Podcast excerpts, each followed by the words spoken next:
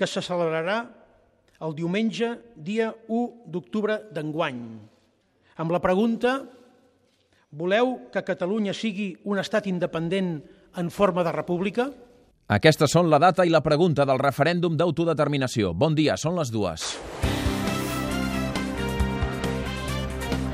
Catalunya migdia amb Òscar Fernández.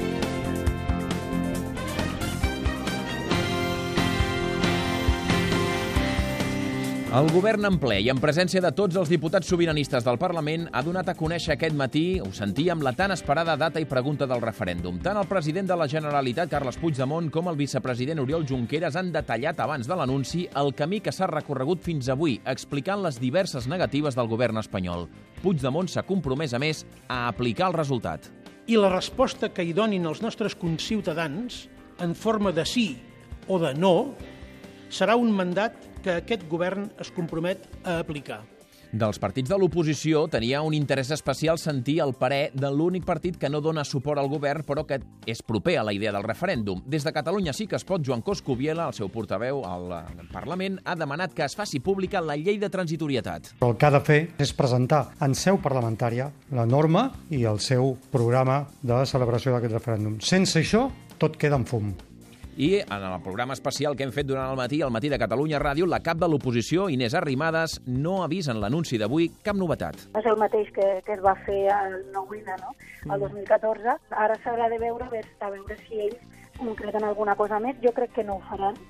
Des de Madrid, el govern espanyol ha estat l'únic a respondre. Avui no ha sortit en roda de premsa Soraya Sainz de Santa Maria, sinó que li han deixat la reacció al ministre portaveu del govern espanyol, Íñigo Méndez de Vigo. Madrid, Albert Calatrava, què ha dit?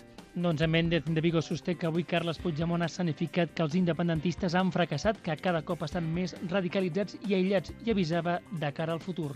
Que nadie tenga ninguna duda de que cualquier actuación que pase de anuncios, que pase de los anuncios a los hechos, será recurrida por el Gobierno, como lo han sido todos y cada uno de los intentos de desafiar a nuestro ordenamiento jurídico. La data i la pregunta són, sense cap mena de dubte, la notícia del dia a casa nostra. De seguida ampliarem les reaccions, sentirem com ha anat al matí i us donarem més dades. Però avui han passat més coses. Per exemple, el Regne Unit s'ha confirmat que la primera ministra britànica, Theresa May, ha ficat la pota. Tenia majoria absoluta al Parlament i l'ha acabat perdent. Ara necessitarà aliances per poder formar govern. Tot apunta que el suport que aconseguirà Theresa May és el dels unionistes d'Irlanda del Nord. Londres, Jordi Baró, bon dia. Hola, bon dia. Sí, així ho ha comunicat aquest migdia la reina Buckingham Palace i ho acaba de fer públic fa uns minuts davant de Downing Street. Formaré un govern que porti estabilitat i que conduirà les negociacions del Brexit, ha explicat May, que ha acabat amb un posem-nos a treballar, confirmant així que no cedirà les pressions també internes perquè dimiteixi. I mentrestant, a Brussel·les, els que han de negociar el Brexit es freguen les mans perquè veuen com May arribarà a les converses molt afablida. Albert Elfa, Brussel·les, bon dia. Bon dia. La debilitat de Theresa May obre un escenari molt complex per a la negociació del Brexit. Brussel·les ja descompta que hi puguin haver retards en l'inici de les negociacions, tot i que avisa que ells ja estan preparats per començar-les el dia 19, com estava previst, però on es manifesten especialment ferms és en la data de finalització de les negociacions, que no pot sobrepassar l'abril del 2019. I a Madrid, al Partit Popular no li ha quedat més remei que admetre que es va equivocar amb aquella amnistia fiscal que va fer l'any 2012, la que va permetre regularitzar diners a l'estranger, per exemple, a la família Pujol, a Rodrigo Rato o a Luis Bárcenas, entre d'altres. Tot i això, els populars han subratllat que l'error és de forma, però no de fons. De fet, el dictamen del Tribunal Constitucional ja especifica que no hi ha cap efecte sobre els que van regularitzar en aquell moment els seus diners. I avui hem sabut que ara, que arriba l'estiu, no hem de patir per la sequera, com a mínim de moment. Els embassaments de les conques internes a Catalunya estan ara mateix al 86% de la seva capacitat. Són 9 punts més que l'any passat. El millor d'aquesta dada, però, és el que ha generat aquestes reserves, les pluges de la tardor i l'hivern i un altre factor que explica el responsable de l'ACA, Enrique Velasco. També es deu a, a que se manté el consum d'estalvi que es va agafar amb la sequera i aleshores, quan tenim l'aigua, pues, tampoc gastem grans quantitats, sinó que gastem lo just.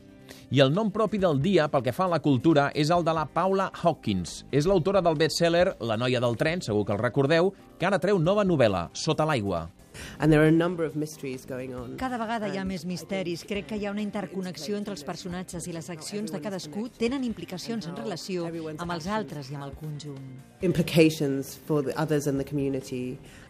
I quan passin 5 minuts de dos quarts serà el moment de les notícies més pròximes, que és el més destacat del dia a Lleida, Noelia Caselles. Doncs presó per al detingut pel crim d'una funcionària aquí a Lleida el mes de febrer. Davant del jutge, l'home només ha dit que és innocent i que no té cap relació amb els fets. És un instal·lador de telefonia amb antecedents per maltractament a qui s'acusa d'haver matat la dona a ganivetades. I a Barcelona, Quim Balaguer? Rebuig del govern i del territori a la decisió de foment d'adjudicar l'estudi informatiu del tram Terrassa-Granollers del quart cinturó.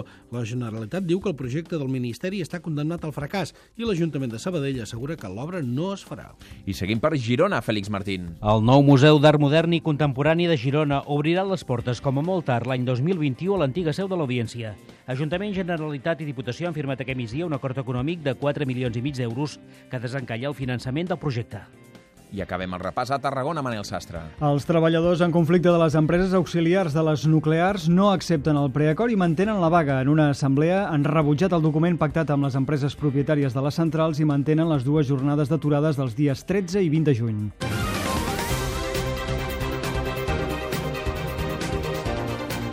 Després de les notícies pròximes, quan faltin 20 minuts per arribar a les 3, serà el moment de l'actualitat esportiva. Maria Guixà, bon dia. Hola, bon dia. Que per on passa aquesta Doncs hora? mira, sentirem, per exemple, a Velles Glòries, protagonistes d'aquella final de Wembley 92. Eh, estem de commemoració d'aquests 25, eh, 25 anys de la Copa d'Europa del Barça. Eh, veurem Messi com acaba de guanyar un amistós contra el Brasil, 0-1 victòria a l'Argentina amb el debut de Sant Paoli a la banqueta. També anirem fins a Montmeló, ja ho sabeu, és cap de setmana de motor, de Gran Premi de motociclisme, també hi ha Gran Premi, en aquest cas de Fórmula 1 al Canadà, i també passarem per Lleó, on hi ha la Copa del Rei d'handbol, ja s'ha classificat el Freiking Granollers, ha superat 31 a 29 el Vidassó, esperem que la tarda pugui accedir també al Barça, demà tinguem semifinal catalana. Recordava la Maria que és cap de setmana de Gran Premi de motociclisme. Entreu al Twitter del programa, al Cat Migdia, perquè allà podreu entrar en el sorteig i fer un retweet i follow d'un abonament que us permetrà veure els entrenaments de demà dissabte i la cursa de diumenge. Entreu ara mateix al Twitter i si feu tweet, eh, un retweet i un follow podreu aconseguir aquest abonament per anar al Circuit de Catalunya.